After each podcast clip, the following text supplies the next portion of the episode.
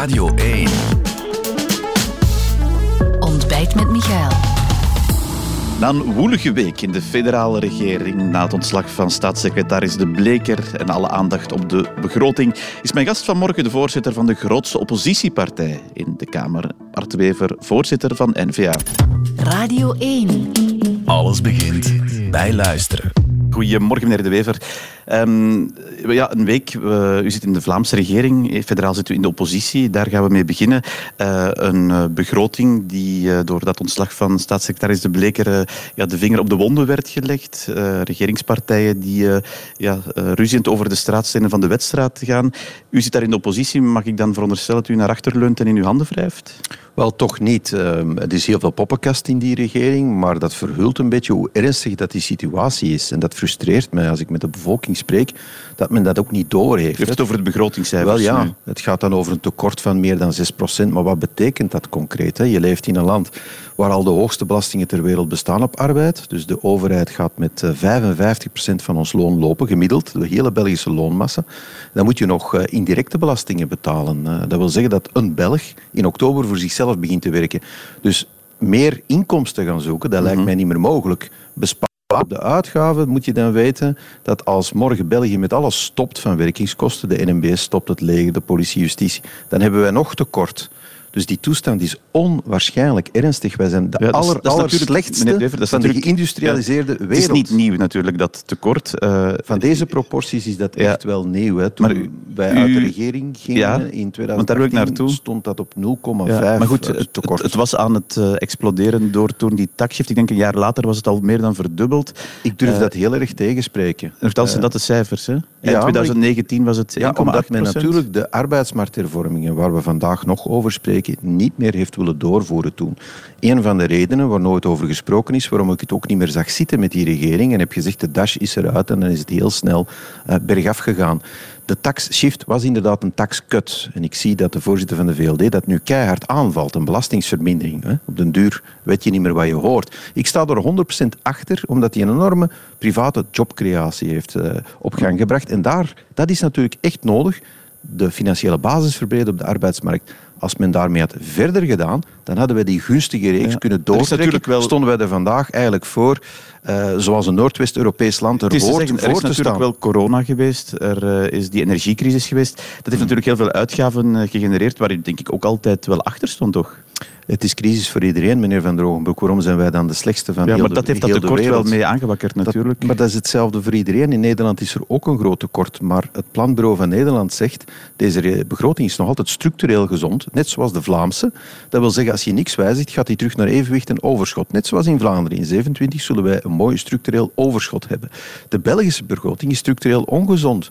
Dus dat wil zeggen, je zit met de hoogste lasten al van de wereld op mensen. Je zit uh, op uitgaven dat je niks meer kan doen. En je zit met een begroting die de allerslechtste is en die alleen maar slechter wordt. En die uh, verslechtering zit in de sociale zekerheid. 2013 ging daar 99 miljard aan buiten. Volgend jaar meer dan 150 miljard. En er ontploft een pensioenbon. Er komt nog eens zeker meer dan 20 miljard per jaar bij. Dus het schip is aan het zinken terwijl we erop zitten. Oké, dit is eh, de Vivaldi-regering. Uh, over een anderhalf jaar zijn er verkiezingen. Ik denk maar dat uw partij toch de ambitie heeft om uh, mee aan het bestuur te zitten. Die begroting, dat tekort, hoe moet dat weg voor u? Want dat is er natuurlijk wel. Ik denk niet dat dat nog in een federale context op te lossen is. Ik citeer de zeer, daarmee? Wel, ik citeer de zeer wijze Koen Geens. Die heeft gezegd, op federaal niveau, Belgisch niveau, kan je alleen nog maar uitgaven beslissen. Al de rest is onmogelijk geworden. U zal uit mijn uitleg begrepen hebben dat dat nu net niet kan. Je zal in die sociale zekerheid moeten ingrijpen. Die kostendelta zal afgevlakt moeten worden. Ja, en, want dat is de kostendelta. Als u zegt, ik, ik, wil in die sociale zekerheid besparen, naar wat kijkt u dan? Ja, je zal de pensioenbom moeten ontmijnen. Dat wil zeggen, de pensioenhervorming die de Zweedse regering begonnen was, die zal je volledig moeten volmaken. En het is tijd voor bittere waarheden. U zegt lagere pensioenen dan? Nee, het is tijd voor bittere waarheden die de bevolking moet horen. Dat wil zeggen dat je langer zal moeten werken om een pensioen te komen. Dat al die gunstige stelsels afgebouwd moeten worden. Um, dat, dat hoog, uh, de hoogste, de ja. hoogste ambtenarenpensioenen. Uh, we gaan die niet afnemen van diegenen die ze hebben, maar naar de toekomst toe zal dat allemaal wel wat minder zijn of zal je er meer voor moeten doen. Je zal in de gezondheidszorg gezondheidszorg, uh, alles wat er onder dringende medische hulp gratis wordt weggegeven. Je zal eens moeten naar kijken. Wel, Eeuwig werkloos dat laatste, want, want, u bent hier dingen aan het zeggen. Wat is dat laatste u zegt? Uh, Wel, mensen die in dit land nieuw komen, hebben recht op dringende medische hulp. Wat er onder die rubriek allemaal wordt gedaan van medische prestaties die de belastingbetaler moet bekostigen, dat is behoorlijk wat. Al die taboes die zullen moeten sneuvelen. Eeuwig werkloos zijn, je kan het alleen bij ons. Uh, de rest van de wereld is er al lang mee gestopt. 16 jaar werken en evenveel pensioen hebben dan iemand die niet heeft gewerkt. een kunstenaarsstatuut, 100 dagen werken en dan werkloos mogen zijn de rest van het jaar. Daar zal een grote kuis moeten worden gehouden in die grote kuis, dat is wel, dat is wel een, een, term die voor sociale zekerheid kan gelden, maar toch vaak een opvangnet is, ook voor mensen die ofwel ziek zijn of, ofwel tijdelijk niet kunnen werken. Wij moeten aan de generaties die de welvaart van Vlaanderen hebben opgebouwd, hè, toch een goede oude dag beloven. Hoe kan je dat nu nog doen op het moment dat je die financiële cijfers ziet? Oftewel haal je alle uitwassen eruit, en dan kan je de sociale zekerheid nog sociaal en zeker houden. Oftewel betekent dat dat de pensioenen zullen eroderen qua koopkracht na drie keer niks. Ja, maar het, is, dus het, is, het is het ene of het andere. En aan de andere kant moet je natuurlijk je inkomsten verhogen, niet door de belastingen verhogen, maar door, mensen, door meer te gaan werken. Ik zeg altijd, wil je leven als een Scandinaaf, spenden als een Scandinaaf, dan moet je werken als een Scandinaaf. Maar als men in Franstalig België wil werken zoals een Zuid-Italiaan of een Zuid-Spanjaard, dan zal men moeten leven als een Zuid-Italiaan. En die uh, waarheid zal men eens moeten aanvaarden. En dan kom je natuurlijk tot de crux.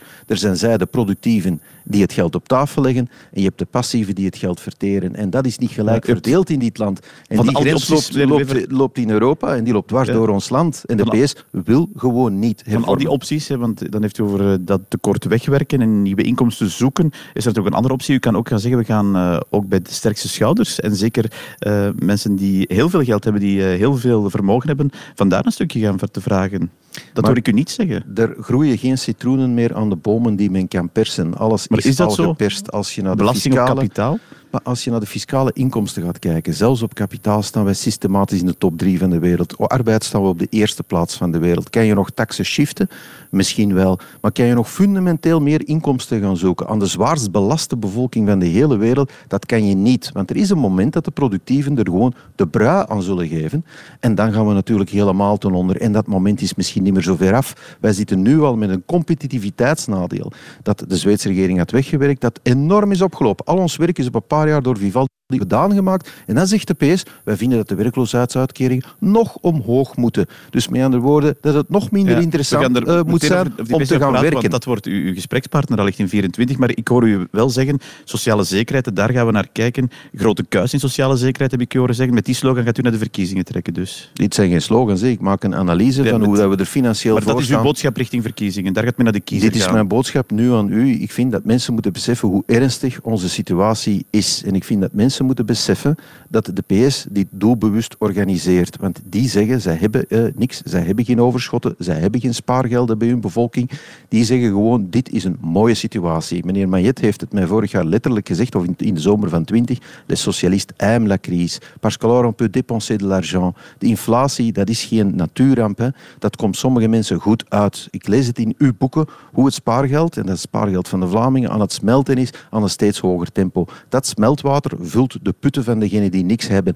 En dus er is een vakbond van de passieven. Er is een vakbond van degenen die niet willen hervormen. Er is een vakbond van degenen die vinden dat dit nog lang kan doorgaan. En die heet de PS. En daar moet je dus afscheid van nemen, want op dat federaal niveau kan je deze Titanic niet meer repareren. Nee, maar u zit natuurlijk, dat is het verschil, meneer De Bever, u zit wel aan die knoppen mee. En in 2024 neem aan dat dat uw ambitie is om daar ook mee aan te zitten. Het zal wel met die PS zijn dat u dan ja, dat tekort in die begroting mee moet oplossen, wat prioriteit is. Ik zit niet mee aan de knoppen. Nee, ik zit mee aan de knoppen in Vlaanderen. Aannemen dat het ook 2024 ambitie is. Waar wij, waar ik altijd lees, de Vlaamse regering het ongelooflijk slecht doet, nog slechter dan Vivaldi volgens sommige politicologen, uh, die een structureel gezonde begroting ja, heeft. Natuurlijk wel naar evenwicht, met, die naar evenwicht gaat. Tekort aan leerkrachten, met uh, welzijnssector waar het verkeerd loopt. zullen er altijd problemen zijn. Maar uw eerste plicht aan uw bevolking is het huishouden uh, gezond houden. Want anders, Zelfs als dat ten koste gaat van een maatschappij en een hele sector je moet die altijd maatschappelijke problemen oplossen, maar je kan niet uh, boven je stand leven systematisch en structureel, want uiteindelijk ondergraaf je dan alles. Hè. Je kan geen Sinterklaas spelen op een kerkhof. Dat kan je niet doen. En dat doen we ook niet in Vlaanderen. Maar dat doen we in België wel. En dat doet Vivaldi op een onwaarschijnlijke manier. Hè. Men moet nu zelfs al een fake begroting gaan indienen en dan is het nog de slechtste van Europa. Maar dan over, over 2024, want dat is dan toch interessant, eh, meneer Het Wever. Ik neem aan, het is toch uw ambitie om, om daar dan, als u zegt van dat is waar wij uh, voor staan en willen voor staan, uh, daarmee gaat u aan de tafel zitten. Ja, het, het, zal allicht dan met, met de PS zijn die u hier afbrandt. Hoe ziet u dat dan precies? Ik wil over de, met de PS maar over één ding spreken, dat is over het confederalisme, hè, begrijp Ja, maar dat blokkeert alles natuurlijk. Ja, dat, zal, dat, is wat u wil dat dan zal misschien. misschien nog eerst moeten en dan zullen we daar nog door moeten, maar dit verder zetten. Het status quo is het meest nadelige voor de Vlamingen dat je kan doen. Je kan zeggen, goed, ja, alles blokkeert, is heel moeilijk, ik, ik, ik zie niet, de hervormingen niet mogelijk, we doen dan maar verder. En ja, dan is het orkest op de Titanic. Ja, maar dat dan bijvoorbeeld in 2014 gedaan met die Zweedse coalitie. dan is, is de, als je absoluut wilt dat er niks gebeurt buiten achteruit gaan, dan is de Croo de ideale man om verder premier te zijn. In 2014 was, was dat uw boodschap. Economisch gaan we nu uh, even uh, de touwen aantrekken en dan dat zien we wel. Is, is dat een optie voor 2024 nee. ook? Nee, dat is voorbij. De Zweedse optie zal niet meer worden getrokken. Het is nu confederalisme of niets. Ik vrees dat anders de welvaart in 29 volledig verdwenen zal zijn, ook uit Vlaanderen. Wij denken altijd dat onze rijkdom geconsolideerd is. We zijn op dat vlak een beetje te verwend geworden, denk ik, als Vlamingen, maar dat is niet waar. Het kan heel snel allemaal verdwijnen. En uh, ja, dan moet je een streep in het zand trekken, zeggen, it is a time for choosing. Ja, gaat, gaat, dat het wel zijn, niet helemaal doen verdampen, heel dat blokkeringsmechanisme wat u nu bepleit? Ik zeg net zoals Reagan, it's a time for choosing. In 1964 zei hij de Koude Oorlog, we kunnen beginnen toegeven, want het ging ook ongelooflijk slecht toen. Uh, en, en de Russen leken aan de winnende hand. Hij zegt, we kunnen appeasen en achteruit gaan en, en proberen het allemaal wat gaande te houden. En hij zegt, dan komt het moment dat je economisch, spiritueel, moreel uitgehold bent en dan komt de final surrender. Of we kunnen de confrontatie aangaan. En dat is wat ik zeg, je moet de confrontatie aangaan. En hij gaf die eerlijk toe, en ik ook, dan neem je risico. Je bent niet 100% zeker van wat de uitkomst zal zijn, maar het is de enige kans om jezelf te redden. En Reagan heeft de Koude Oorlog gewonnen. Ik ben er al van overtuigd dat ook deze hervorming, het confederalisme, er zal moeten doorkomen. Ik weet alleen niet in welke omstandigheden. Ja, maar ik zeg alleen aan de kiezer heel duidelijk, it is a time for choosing. U stemt okay. voor de Vivaldisten, u stemt voor uw eigen ondergang. U stemt voor mij, dan neemt u een risico maar ik wil een turnaround maken. Ja, en dan is er een derde partij misschien, de partijen ter linker en ter rechterzijde aan het uiteinde van het spectrum, die de lachende derde zijn. Ja, dat is het grote gevaar natuurlijk, maar dat is uh, wat, wat de PS ook aanmoedigt. Hè. Zij beledigen die Vlaamse kiezer, die productieve kiezer, zo erg dat hij op de duur zo boos wordt dat hij naar extreme partijen gaat lopen. En dat is wat de PS goed uitkomt, want de PS die regeert liefst met Vlaamse dwergpartijen, die allemaal op elkaar moeten kruipen om nog een meerderheid te hebben. In Vlaanderen hebben ze die niet. Massaal ondersteund door Franstalige partijen en zij zijn de baas. En dan mag er een Vlaming in de 16 gaan zitten, zoals de Kroos, een soort puppet on a string. Wat het nu toch wel heel pijnlijk wordt. Die keizer heeft gewoon geen, geen, enkel, heeft geen, geen enkel kleder meer Ja, ik wil er toch even op ingaan. Dus ik begrijp ook goed, als u in 2024 de grootste partij wordt, wat denk ik toch van elke partij de ambitie is, dan zegt u van, ik ga daar niet gaan zitten in de 16, ik ga niet die verantwoordelijkheid nemen in een federale regering. U gaat daar niet in. Um, als het een federale regering is die het confederalisme organiseert, ben ik tot alles bereid. Ook uh, ik persoonlijk ben dat tot alles bereid. Waar ik niet toe bereid ben, is de KRO op te volgen om de dictaten van de PS uh, uit te voeren en de welvaart van Vlaanderen over de knie te jagen. Dat doe ik niet. Ik vind het wat dubbelzinnig. Dus u zegt van, ik wil wel in een regering stappen, ik wil wel premier worden in een regering die wat, moet hij dan, wat, wat, is dat dan, het, confederalisme uitvoeren? Dat wil zeggen dat als men in Wallonië een half communistisch beleid en met de PTB misschien een volledig communistisch beleid wil uitvoeren, dat men dat voor eigen rekening zal mogen doen. In het noorden moeten wij onze welvaart, en die is vooral door productiviteit, door hard werken opgebouwd, moeten wij die kunnen beschermen. Zo eenvoudig is het. En dus elk voor eigen rekening gaan rijden. Uh, samen, uh, dus het socialisme met een derde betalersysteem, hè, wat eigenlijk België is, socialisme met een derde betalersysteem, dat doe ik niet aan mij. Het is zoals Margaret Thatcher zei, het probleem met socialisme is you run out of other people's money. It's our money, the Flemish money.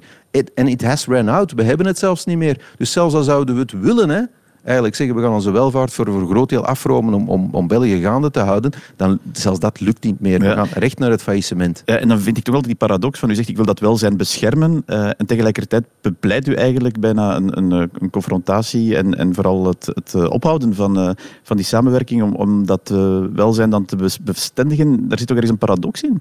Dat is geen paradox. Wat, wat, wat gaat het confederalisme paradox. Het oplossen aan, aan dat tekort in sociale zekerheid? Het enige is nodig voor het andere. Ja, wat dat zal doen is denk ik dat je in het noorden nog wel de politieke bereidheid vindt om inderdaad die stelsels op te kuisen. Om te zeggen, ja, er is uh, alleen maar een verdeling van de koek mogelijk als die eerst dik wordt gebakken.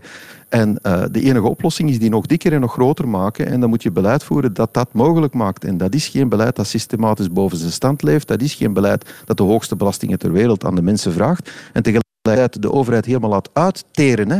Wij hebben uh, niet alleen de, wij hebben de hoogste overheidsuitgaven in dit land, maar ongeveer de laagste investeringsgraad. Dat wil zeggen, dit land wordt helemaal uitgeteerd. Dus de burger krijgt ook niks terug voor al dat belastingsgeld. Ja, dat rotte moet, moet gestopt worden. En ik zie dat op Belgisch niveau niet meer gebeuren. En ik zie dat Congeens dat eigenlijk op een onbewaakt moment ook zegt. Het is voorbij. België kan alleen maar uitgaven stemmen in deze situatie weet je dan dat je naar het faillissement gaat. Ja, naar, wie, toch, wie, naar wie kijkt u eigenlijk als partners? Want u zit natuurlijk wel uw partijprogramma te bepleiten, dat confederalisme, maar toch ook een heel erg doemscenario. Naar wie kijkt u dan eigenlijk? Ik kijk eigenlijk maar naar één partner en dat is de Vlaamse kiezer. Die moet eerst een heel duidelijke situatie uh, creëren. It is a time for choosing. Maar ik, er zijn vivaldistische partijen. Het onmogelijk om te vormen en, en zorg ervoor dat misschien extremen groot worden. Het is vooral een oproep om niet meer te stemmen voor partijen die voor de verkiezingen altijd zeggen wat er moet gebeuren en na de verkiezingen toch het status quo aanvaarden. Dat is wat er gebeurd is nu opnieuw. De PS direct die onderhandelingen, totdat ze bereidwilligen vinden... Ik, hoor u bijna zeggen, ja, zorg ervoor dat de boel blokkeert, want dat is eigenlijk wat u zegt. Zorg ervoor dat er geen nieuwe paarsgroene regering meer tot stand kan komen. Zorg ervoor dat de partijen die tegen beter weten in, die toch doen, en dan nog eens de groenen mee aan de knoppen laten op de ergste departementen zoals energie. Zorg ervoor dat zij didactisch de les krijgen dat ze dit nooit meer zullen doen. En, dus en dan wordt alles mogelijk. Mag ik concluderen dat u liever een, een blokkering hebt, waar misschien extremen uh, daarmee voor zorgen, dan dat uh, partijen die nu bijvoorbeeld in de regering zitten een meerderheid kunnen vormen? U hebt een talent om alles ongelooflijk negatief te draaien. Ik wil gewoon ik de politieke energie voor verandering. En die politieke energie voor verandering zal niet komen door partijen te stemmen die vandaag die Vivaldi-trein gaande houden. Die in ruil voor de 16 Waar is daar toch zo te rapen in die 16? Die Kroon, dat is toch meelijwekkend aan het worden, hoe dat die daar zit. Maar die er elke keer opnieuw voor de verkiezingen zeggen, we gaan hervormen, we gaan het oplossen. En na de verkiezingen zich elke keer laten verleiden om weer het status quo gaande te houden. Begroting wordt in elk geval de inzet. We zullen elkaar tegen dat nog wel zien, meneer Bever. Om toch op een eh, positieve noot te eindigen, wil ik u het vragen uit eigen stad. Die boerentoren, uh, ik kom maar uit het verre platteland, dat is hier blijkbaar een hot topic. Vindt u dat mooi, dat nieuwe ontwerp? Uh, dat is een irrelevante vraag, wat ik mooi vind. Als uh, mijn persoonlijke smaak doorslaggevend zou zijn in Antwerpen, dan zag heel Antwerpen er neogotisch uit, wat wellicht niet uh, uh, aanbevelenswaardig is. Wij maar dat nieuwe ontwerp, dat, dat, kan, u, kan zich in vinden, ik zal het zo vragen. Uh, ik zeg het, ik ga me er niet over uitspreken, want ik ben schepen van erfgoed. Dat wil zeggen dat ik uiteindelijk daar een heel belangrijke stem in zal hebben. En dus nu mijn persoonlijke voorkeuren uiten. Uh, dat zou niet verstandig zijn als beleidsmaker, want het hele proces moet nog lopen. Dat is het nadeel van wat meneer Fernand gedaan heeft. Door alles publiek te brengen, is het een publiek meneer debat. u het over, neem ik aan. meneer Fernand noem ik die in de... In de, in de amicale omgang. Uh, meneer Huts dus, uh, die ik had gezegd, misschien kan je dit beter discreet doen, heeft, heeft op zijn heel eigen wijze heel de wereld er nu bij betrokken. Uh, lang voordat er ooit een vergunning moet komen. Dus wij gaan nu nog twee jaar lang een publiek debat hebben met hevige voor en hevige tegen. En als beleidsmaker spreek je pas op het einde. Dat wil zeggen, eerst je stadsbouwmeester, okay. erfgoed, erfgoed Vlaanderen. Die moeten er allemaal nog naar kijken. En dan denk ik, ja, dit is ook geen echt cadeau van het dan zo te presenteren. Hebt u toch iets gezegd over die boerentoren. Meneer Wever, dank u wel voor uh, dit uh, ontbijtgesprek. Graag gedaan. Dit was Ontbijt met Michael, een podcast van Radio 1. Ontdek nog meer podcasts van Radio 1 in onze app en op radio1.be.